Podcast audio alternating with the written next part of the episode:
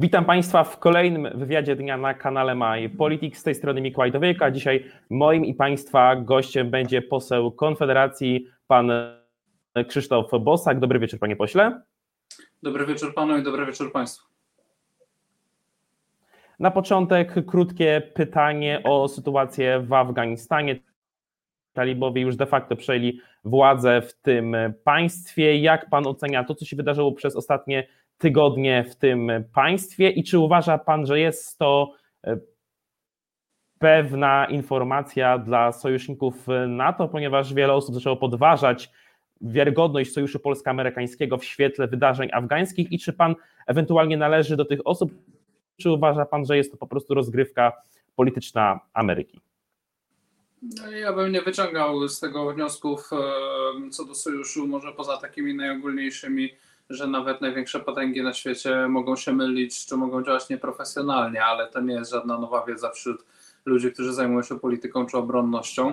Natomiast może pierwszy raz od dawna społeczeństwo widzi e, coś tak chaotycznego w wykonaniu no, najbogatszej, najbardziej zaawansowanej pod względem logistyki e, i siły e, czy zdolności armii na świecie.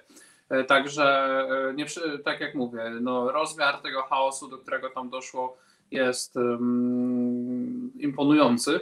Natomiast e, nie wyciągałbym z tego wniosków, e, dlatego że no, jakby wszyscy, dla wszystkich było oczywiste, że Stany Zjednoczone w pewnym momencie będą musiały się z Afganistanu wycofać. Wszyscy, którzy znają Afganistan, przypuszczali, że ten rząd, e, który Amerykanie ustanowili, może mieć problemy z utrzymaniem się. To, co jest ciekawe w tej sytuacji, poza samą powiedzmy porażką i zaskoczeniem Amerykanów co do tego, że nie przewidzieli, że tak szybko cały kraj może znaleźć się w rękach talibów i że trzeba przygotować i przeprowadzić wcześniej tą całą ewakuację.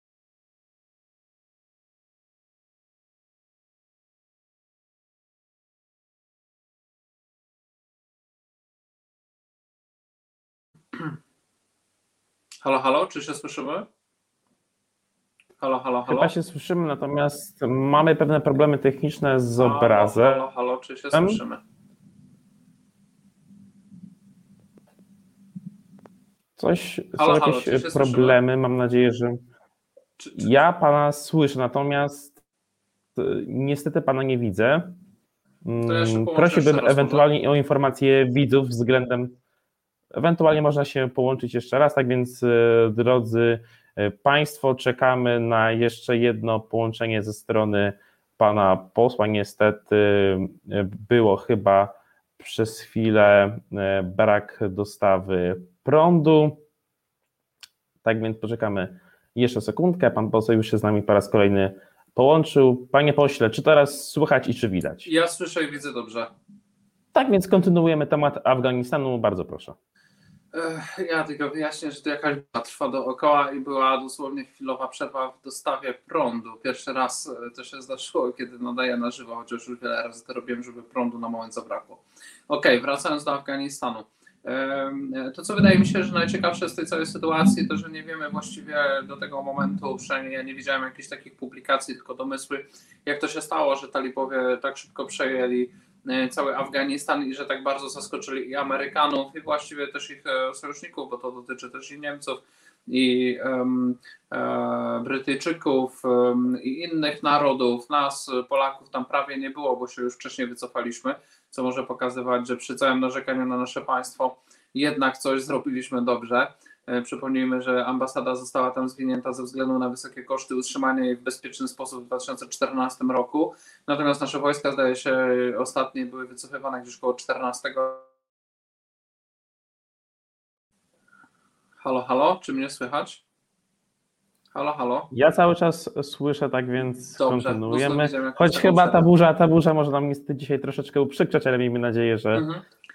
Dobrze, dokończymy. Więc w każdym razie są z tego co widzę dwie teorie. Jedna jest taka po prostu, że morale armii afgańskiej było bardzo niskie. E, legitymacja rządu bardzo niewielka, w związku z tym w momencie, kiedy Amerykanie się wycofali, e, to mało kto z tej armii afgańskiej podejmował walkę z talibami. Talibowie robili bardzo szybkie postępy, w związku z tym po prostu rozpieszły się e, pozostałe oddziały armii afgańskiej, politycy uciekli za granicę.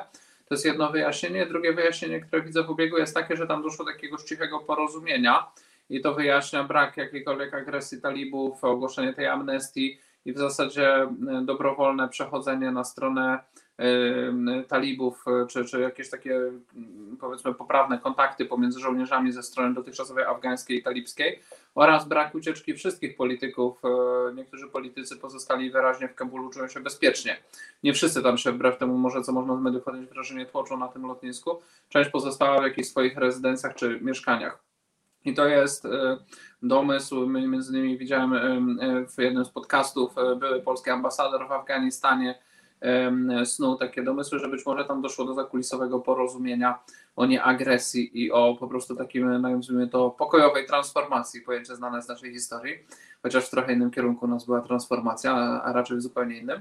E, widziałem też takie e, na, e, u ludzi, którzy zajmują się mocno właśnie wschodem, podawali dalej wpisy żołnierzy armii afgańskiej, że dostali dyspozycję, aby nie podejmować walki i aby nawet dać się rozbroić talibom. To też by po, potwierdzało ten, e, ten scenariusz tego cichego, zakulisowego porozumienia.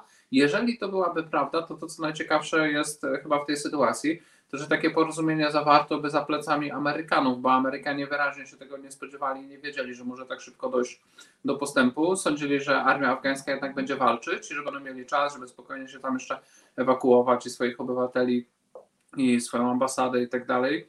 No i, um, no i jeżeli to, to wszystko jest prawda, no to, to pokazuje, że po prostu te aktywa wywiadowcze czy poziom za, jest, są bardzo niskie, a poziom jakby zaufania tych polityków afgańskich I tu postawmy kropkę względem wewnętrznej sytuacji w Afganistanie, przechodząc do tego, co wojna w Afganistanie może znaczyć dla Polski. Ostatnio w internecie i w polskiej polityce rozpętała się e, dyskusja na temat imigrantów, którzy znajdują się aktualnie w Białorusi i próbują przekroczyć polską granicę. Jest wiele, e, można powiedzieć, świadków e, z województwa podlaskiego, szczególnie rolników, którzy opowiadają o tym, co tam się dzieje. Wczoraj w Polsacie mówił Pan na ten temat mówiąc, iż jeżeli drut kolczasty jest skuteczny, to znaczy, że jest dobry względem nieprzepuszczania tych ludzi. Natomiast czy uważa Pan, że ta sytuacja jest absolutnie nierozwiązywalna, czy w dłuższej perspektywie uda się jakoś zagospodarować tych ludzi, czy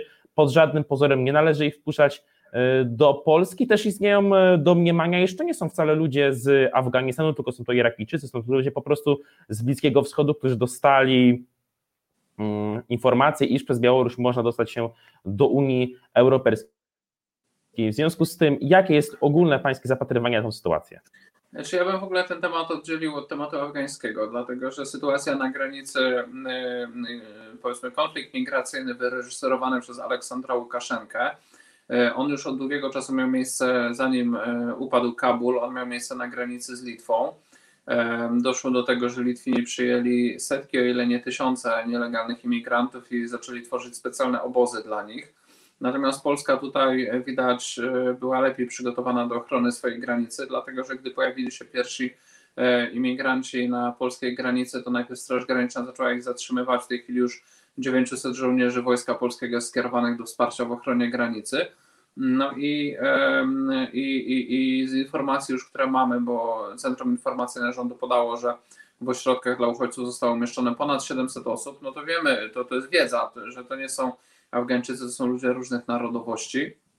E, z monitoringu ruchu lotniczego wynika, że był wzmożony ruch lotniczy pomiędzy Grodnem i Mińskiem, a pomiędzy Bliskim Wschodem, czy to Stambułem, czy to zdaje się Irakiem, czy jeszcze jakimiś innymi E, lotniskami e, w tym rejonie. No i oczywiście tam mogą być Afgańczycy, natomiast e, ja myślę, że to są po prostu z, z informacji, które wynika podobno na kanałach Telegrama, są jakby rekrutacje i za pieniądze ludzie, obiecuje się ludziom, że dostaną się do Unii Europejskiej czy do państw zachodnich poprzez Białoruś.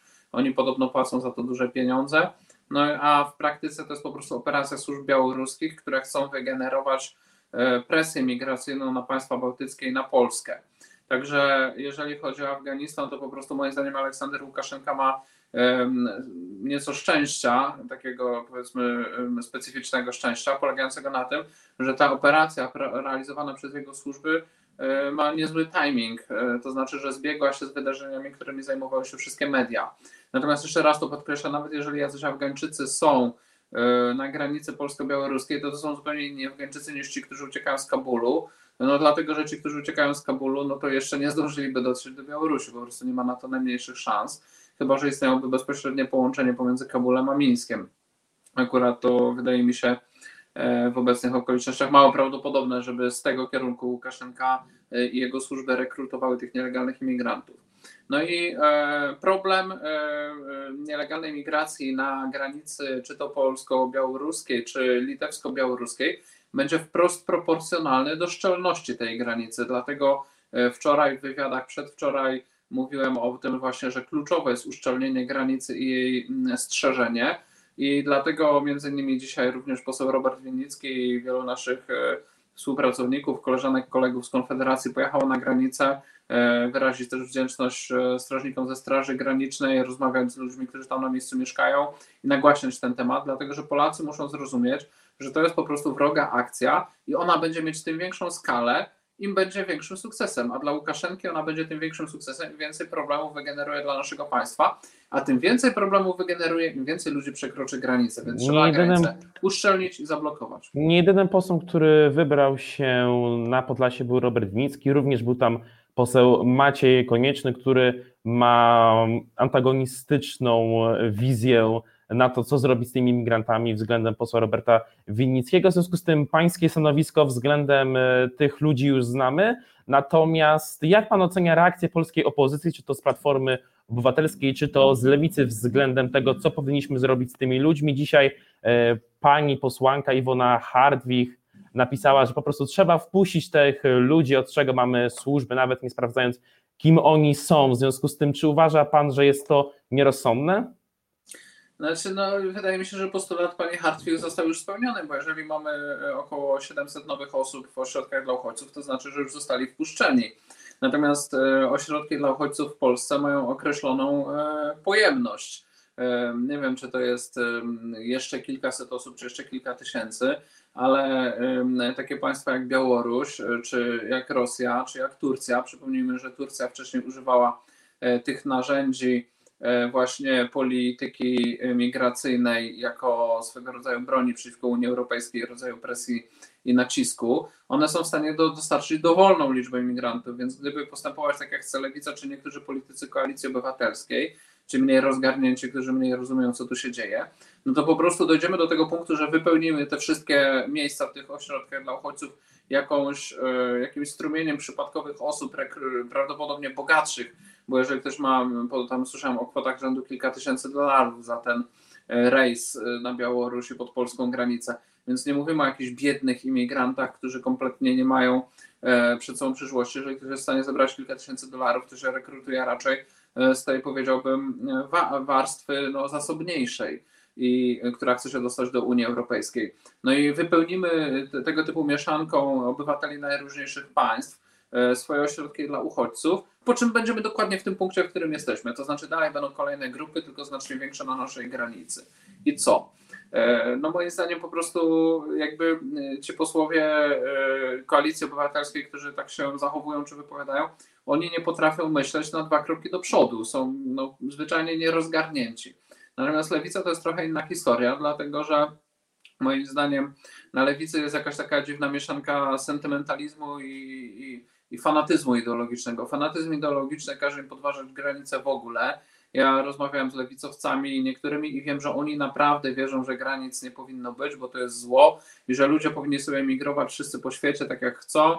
Jeżeli by się to chciało przenieść, prawda, 150 milionów ludzi z Afryki i z Azji, to oni by powiedzieli OK, bo nie mamy prawa różnicować, e, kto jest jaki i po prostu każdy, kto chce tu mieszkać, niech sobie przyjedzie, tak, albo koczować. I to są tacy lewicowi fanatycy jest też grupa lewicowców wyrachowanych, którzy po prostu wiedzą, że oni mają tę swoją agendę multikulti, e, tej jak oni to nazywają, równościową agendę i tak dalej. I po prostu ci ludzie, którzy są na, na granicy instrumentem dla Aleksandra Łukaszenki, są podobnym instrumentem dla części wyrachowanych polityków lewicowych. Tak? Oni wiedzą, że to działa na emocje, oni wiedzą, że w ten sposób mogą przedstawiać czy to obecny rząd, czy funkcjonariuszy państwowych służb jak Straż Graniczna, wojsko, czy polityków e, prawicowych, takich jak przez Konfederacji, mogą przedstawiać jako e, tych złych tak zwanych faszystów, a siebie prezentować jako tych, prawda, zaangażowanych, wrażliwych społecznie równościowców, którzy, prawda, dla każdego Panie mają posiłek i butelkę wody i śpiwór. No i jak mówię, jest to mieszanka ideologicznego fanatyzmu i cynizmu, dlatego że. Tematu... E, dlatego, że ja się dokończę, dokończę jeszcze. Ani politycy Koalicji Obywatelskiej, ani politycy, znaczy ci mniej rozgarnięci, bo w Koalicji Obywatelskiej są też tacy, którzy to rozumieją, ale ci mniej rozgarnięci z Koalicji Obywatelskiej, ani lewicowcy nie analizują tego w ogóle na poziomie polityki państwowej, więc w ogóle jakaś dyskusja polityczna z nimi jest niemożliwa. Tak więc z polityki zagranicznej przejdźmy do polityki wewnętrznej. W ostatnich dniach pojawiło się wiele doniesień prasowych, iż Konfederacja oraz Prawo i Sprawiedliwość e, poprą e, projekt względem tego, żeby broń w Polsce była powszechniejsza.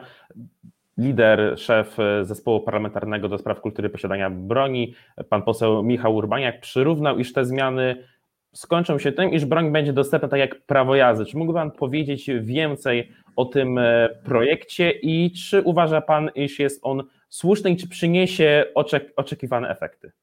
No niestety muszę zdementować te informacje. To pokazuje, jak działają media. To znaczy, cała ta historia jest oparta o jeden całkowicie naciągnięty artykuł dziennika Rzeczpospolita, e, napisany na podstawie jednej rozmowy telefonicznej z naszym posłem, w której dziennikarz po prostu poprzeinaczył informacje. Jedyne, co jest w tym prawdziwe, to że e, poseł Michał Urbaniak pracuje nad projektem ustawy w tej sprawie. Cała reszta to jest po prostu niestety nieprawda. To znaczy, e, posłowie PiSu są zainteresowani, niektórzy, nie sam PiS, e, tym, że są prace nad takim projektem, ale jeszcze go nie znają, dlatego że spotkanie parlamentarnego zespołu w tej sprawie miało być w dniu, w którym nastąpiła dymisja wicepremiera Gowina. Z powodu dymisji wicepremiera Gowina wszyscy się nią tak zajęli, że to spotkanie się nie odbyło. W związku z czym nawet nie znają tego projektu. E, jeżeli chodzi o projekt, on jest po prostu w fazie konsultacji e, ze środowiskami strzeleckimi, proobronnymi, prawnikami zajmującymi się tematyką dostępu do broni.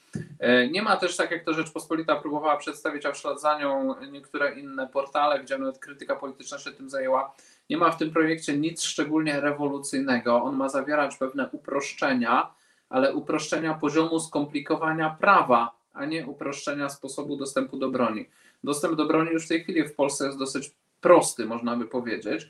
To znaczy, jeżeli ktoś y, jakby nie podpadnie y, policji, która ma tu pewien aspekt uznaniowości, to po prostu y, może to pozwolenie wyrobić. Problem jest taki, że tych pozwoleń jest kilka różnych rodzajów, skomplikowane są zasady przechowywania, przewożenia broni, skomplikowane są zasady stosowania broni, skomplikowane są zasady uruchamiania strzelnic. Jest po prostu dużo takich biurokratycznych kłód pod nogi. I projekt, na którym pracuję, Natomiast Michał panie pośle, jeszcze projekt, doprecyzujmy jedną jeszcze rzecz. Przepraszam, muszę to dokończyć. Projekty, Jedno zdanie i doprecyzujemy dwa pytania właśnie względem tego. Dobrze, projekty, nad którymi wcześniej pracowali też inni posłowie Konfederacji, bo wcześniej był inny projekt przedstawiony też, mają na celu po prostu, po pierwsze to, co musimy zrobić, czyli wdrożenie dyrektywy unijnej i po drugie posprzątanie tego galimatiasu prawnego. Natomiast sam PiS jako e, partia rządząca i rząd prawdopodobnie będą chciały iść w zupełnie innym kierunku. To znaczy mamy plotki od wielu już lat, że w Ministerstwie Spraw Wewnętrznych PiS pracuje nad ustawą idącą w przeciwnym kierunku, utrudniającym e, korzystanie z broni, posiadanie broni. No i to jest kierunek, który trzeba odrzucić. A to ta, skąd się wzięła ta analogia do prawa jazdy? No chodzi o to, żeby uprawnienia wydawały władze e, administracyjne, władze cywilne, a policja, żeby się tylko zajmowała kontrolą stosowania prawa. A w tej chwili policja pełni jednocześnie funkcje kontrolne i funkcje administracyjne. To jest niepotrzebne angażowanie funkcjonariuszy policji do działań czysto administracyjnych, którymi mogłyby się zająć urzędy wojewódzkie. I to nie jest żadna oryginalna Czyli myśl. doprecyzujemy, potwierdza Pan, iż Konfederacja pracuje nad tym projektem ustawy. Kolejna kwestia jest taka, czy są Państwo w stanie szukać poparcia dla tego ewentualnego projektu ustawy wśród wszystkich e, sił opozycyjnych w parlamencie, czy też e, rządowych i czy uważa Pan, że rzeczywiście uda się znaleźć te parę dodatkowych e, podpisów? I na koniec, czy uważa Pan, że rzeczywiście pewne zmiany w takim w prawie posiadania broni przyniosą spodziewane efekty, ponieważ Polska jest jednym z najbardziej zdemilitaryzowanych społeczeństw, gdzie przypada bodajże półtora E, pistoletu, broni na 100 mieszkańców, co daje wyniki mniejsze nie tylko w porównaniu do Stanów Zjednoczonych, ale nawet do krajów ościennych, czy nawet do krajów e, takich jak socjaldemokratyczna Skandynawia. Więc zacznijmy od tego, że wśród spodziewanych efektów ma być po prostu prostsze i mniej skupione na biurokracji życie tych, którzy mają do czynienia z bronią. większa ich wygoda. Natomiast autorzy tych przepisów może spodziewają się, że to doprowadzi do jakiejś popularyzacji strzelectwa, ale to nie jest główny cel i główny zamiar. Moim zdaniem popularność strzelectwa i popularność posiadania broni jest proporcjonalna do zainteresowania tym tematem i żadne przepisy nie zmienią tego zainteresowania drastycznie. Po prostu może być tak, że w tej chwili ze względu na skomplikowanie prawa część osób się jakoś tam zniechęca, e, ale myślę, że to jest niewielki odsetek, bo jak ktoś jest zainteresowany i uparty, to prędzej czy później to pozwolenie sobie osiągnie.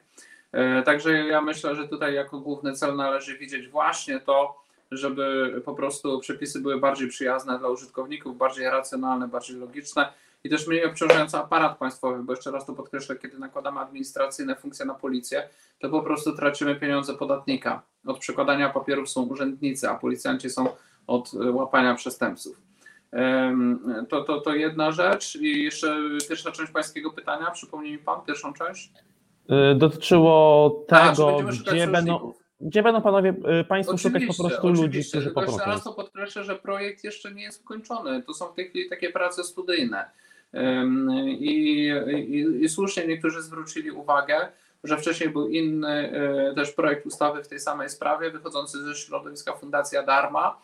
Ten projekt, nad którym pracuje zespół do spraw posiadania broni Michała Orpaniaka, też powstał z integracji z kolei pomysłów z dwóch innych projektów, które wcześniej funkcjonowały w środowiskach strzeleckich czy proobronnych, także staramy się szukać dobrych rozwiązań i staramy się animować dyskusję na ten temat. I każdy, kto jest e, zainteresowany dyskusją, to proszę o kontakt z posłem Michałem Urbaniakiem, przekazanie uwag e, i, i będziemy je analizować i będziemy też przekonywać polityków z innych opcji. I mamy nadzieję, że posłowie PiSu w szczególności nie zgodzą się na to, żeby zaostrzyć i utrudnić e, posiadanie broni jeszcze bardziej niż jest to obecnie, bo byłoby to bez sensu. I na koniec znów pytanie o arytmetykę sejmową, ponieważ w ostatnich dniach w mediach znów jest bardzo głośno o Konfederacji, w związku z tym, iż opozycja chce odwołania marszałek Elżbiety Witek ze stanowiska marszałka Sejmu i szuka poparcia u Konfederacji, ponieważ jak wiadomo, bez tych 11 głosów nie ma szans, żeby pani e, Witek została odwołana z tej funkcji. Państwo e, są gotowi poprzeć e, dążenia opozycji pod warunkiem poparcia dwóch ustaw: stop segregacji sanitarnej oraz rozwiązań podatkowych w Polskim Ładzie. I czy uważa Pan po pierwsze, czy rzeczywiście opozycja pójdzie na te ustępstwa? Borys Budka w ostatnich dniach w mediach powiedział, iż to nie jest moment na stawianie wymagań. I y, czy są Państwo ewentualnie skłonni do jakichś kompromisów w tej sprawie, czy nieugięcie y, będą Państwo stali przy tych swoich dwóch propozycjach? No więc zacznijmy od tego, że żeby odwołać marszałka, to potrzebna jest większość. Tej większości w tej chwili nie ma. E, zobaczymy 15 września, czy w ogóle rysuje się szansa na, bo przypomnę, że Sejm wznawia pracę od 15 września. Zobaczymy, czy rysuje się w ogóle jakaś szansa na zbudowanie tej większości. Natomiast na razie jej nie ma, więc to jest wszystko taka, powiedziałbym, dyskusja e, teoretyczna. Jeżeli chodzi o postawione warunki, to nie jesteśmy jedynymi, dlatego że w spotkaniu i w konsultacjach na ten temat brał udział również Stanisław Tyszka z właśnie środowiska Pawła Kukiza i mówił o ustawach Pawła Kukiza, aczkolwiek Paweł Kukiz dzień później się w mediach odciął od tego pomysłu, żeby zmieniać marszałka Sejmu. Natomiast była mowa o ustawie antysitwiarskiej i jeszcze jednej ustawie, którą tam e, antykorupcyjnej chyba Paweł Kukiz proponuje. No my nie mamy zamiaru ze swoich postulatów e, jakby e, rezygnować, dlatego że uważamy, że to, to nie są jakoś wygórowane postulaty. To znaczy, jeżeli partie opozycyjne są opozycją, to nie powinny wspierać rządu, szczególnie w tak kontrowersyjnych aspektach działalności rządu, jak właśnie zabieranie części praw obywatelskich pod pretekstem segregacji sanitarnej. Ta ustawa, którą zaproponowała Konfederacja, ona jest, możecie ją znaleźć na stronie Konfederacji, tam nie ma nic innego jak po prostu zakaz stosowania jakichś rozwiązań, które różnicują prawa obywatelskie zależnie od tego, kto tam się szczepi, kto nie szczepi. E, I jest to zdaniem obecnie urzędującego Rzecznika Praw Obywatelskich po prostu zgodne z polską konstytucją, żeby zachować tajemnicę medyczną, zachować równe prawa obywatelskie. Za tym jesteśmy. I druga sprawa, odrzucić te podwyżki podatkowe dla ludzi prowadzących działalność gospodarczą, które są w Polskim Ładzie. Mm, dlaczego mielibyśmy z tego rezygnować? Nie wiem, nie, nie do końca rozumiem też, dlaczego pan Budka chce nam dyktować, w jaki sposób mamy prowadzić rozmowy polityczne. Mamy na to swój pomysł, akcentujemy to, co jest istotne dla naszych wyborców. Jak się to komuś nie podoba, no to nie, jakby, no, jakby jesteśmy przygotowani na to, że inne partie mają inne poglądy na różne sprawy, ale mamy zamiar walczyć o swoje poglądy. I na koniec parę pytań od naszych y, widzów. Pierwsze pytanie, co pan sądzi o nowym ugrupowaniu o nazwie Agrounia? No to nie jest taki nowy projekt. Myśmy z Michałem Kołodziejczakiem rozmawiali już w 2019 roku, kiedy konstruowaliśmy listy wyborcze. Michał Kołodziejczak wtedy wyrażał zainteresowanie, przynajmniej do pewnego momentu, zainteresowanie wejściem w Konfederację. Później stwierdził, że jednak wybiera e, samodzielność i będzie bardziej funkcjonował jako związek zawodowy. E, wiem od polityków Koalicji Obywatelskiej, że także z nimi rozmawiał wtedy o miejscach na listach. Także jakby Agrounia jako e, pewien projekt e, wtedy chyba funkcjonowała w formie fundacji.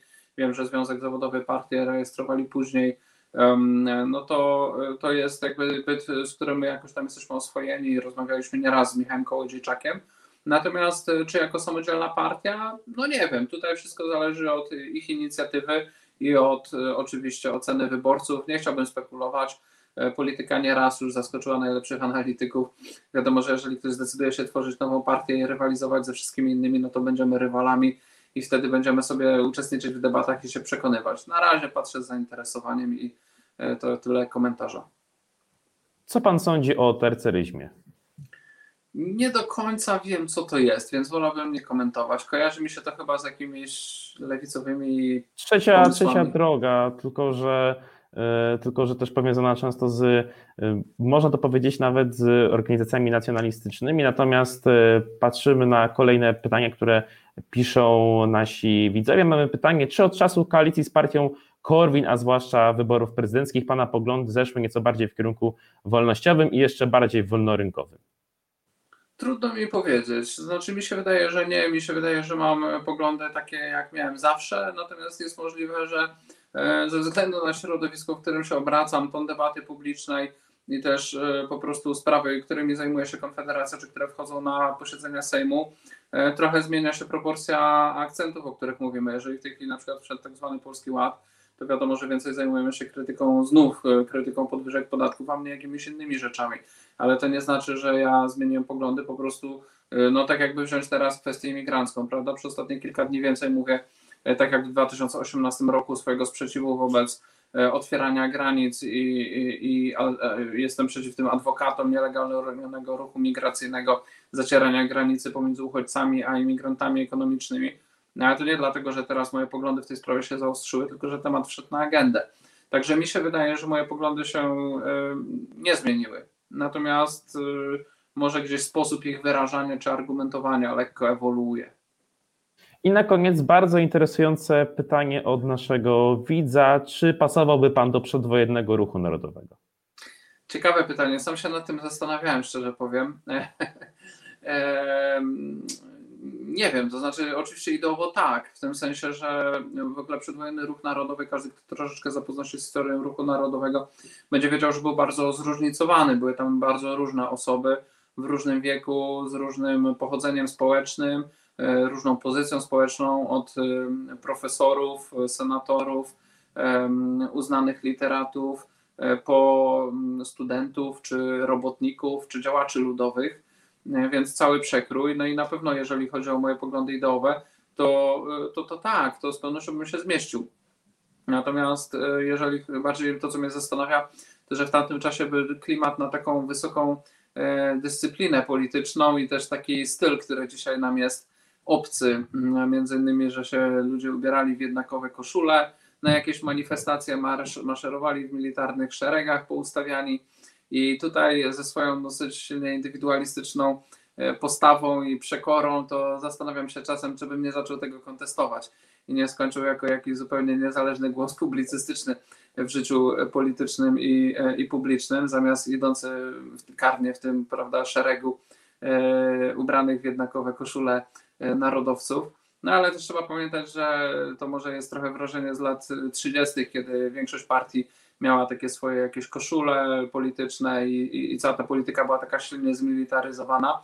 Natomiast wcześniej w latach 20. NDC była typową taką inteligencką, parlamentarną, demokratyczną formacją i wtedy to myślę, że nie miałbym najmniejszych wątpliwości, gdzie prawda się sytuować, czyli po prostu parlamentarna prawica, to się równało endecja w latach 20. Dziękuję bardzo i pytaniem o przedwojenną endycję kończymy dzisiejszy wywiad dnia. Bardzo dziękuję naszym widzom za bardzo liczną obecność, chyba najwyższą na, w historii wywiadów dnia na naszym kanale i mojemu gościowi, którym dzisiaj był pan poseł Krzysztof Bosak. Dziękuję bardzo. To ja również dziękuję bardzo za duże zainteresowanie. Dziękuję za zaproszenie do rozmowy. Pozdrawiam wszystkich. Szanowni Państwo, życzę wszystkim miłego wieczoru. Do zobaczenia już niedługo na naszym kanale.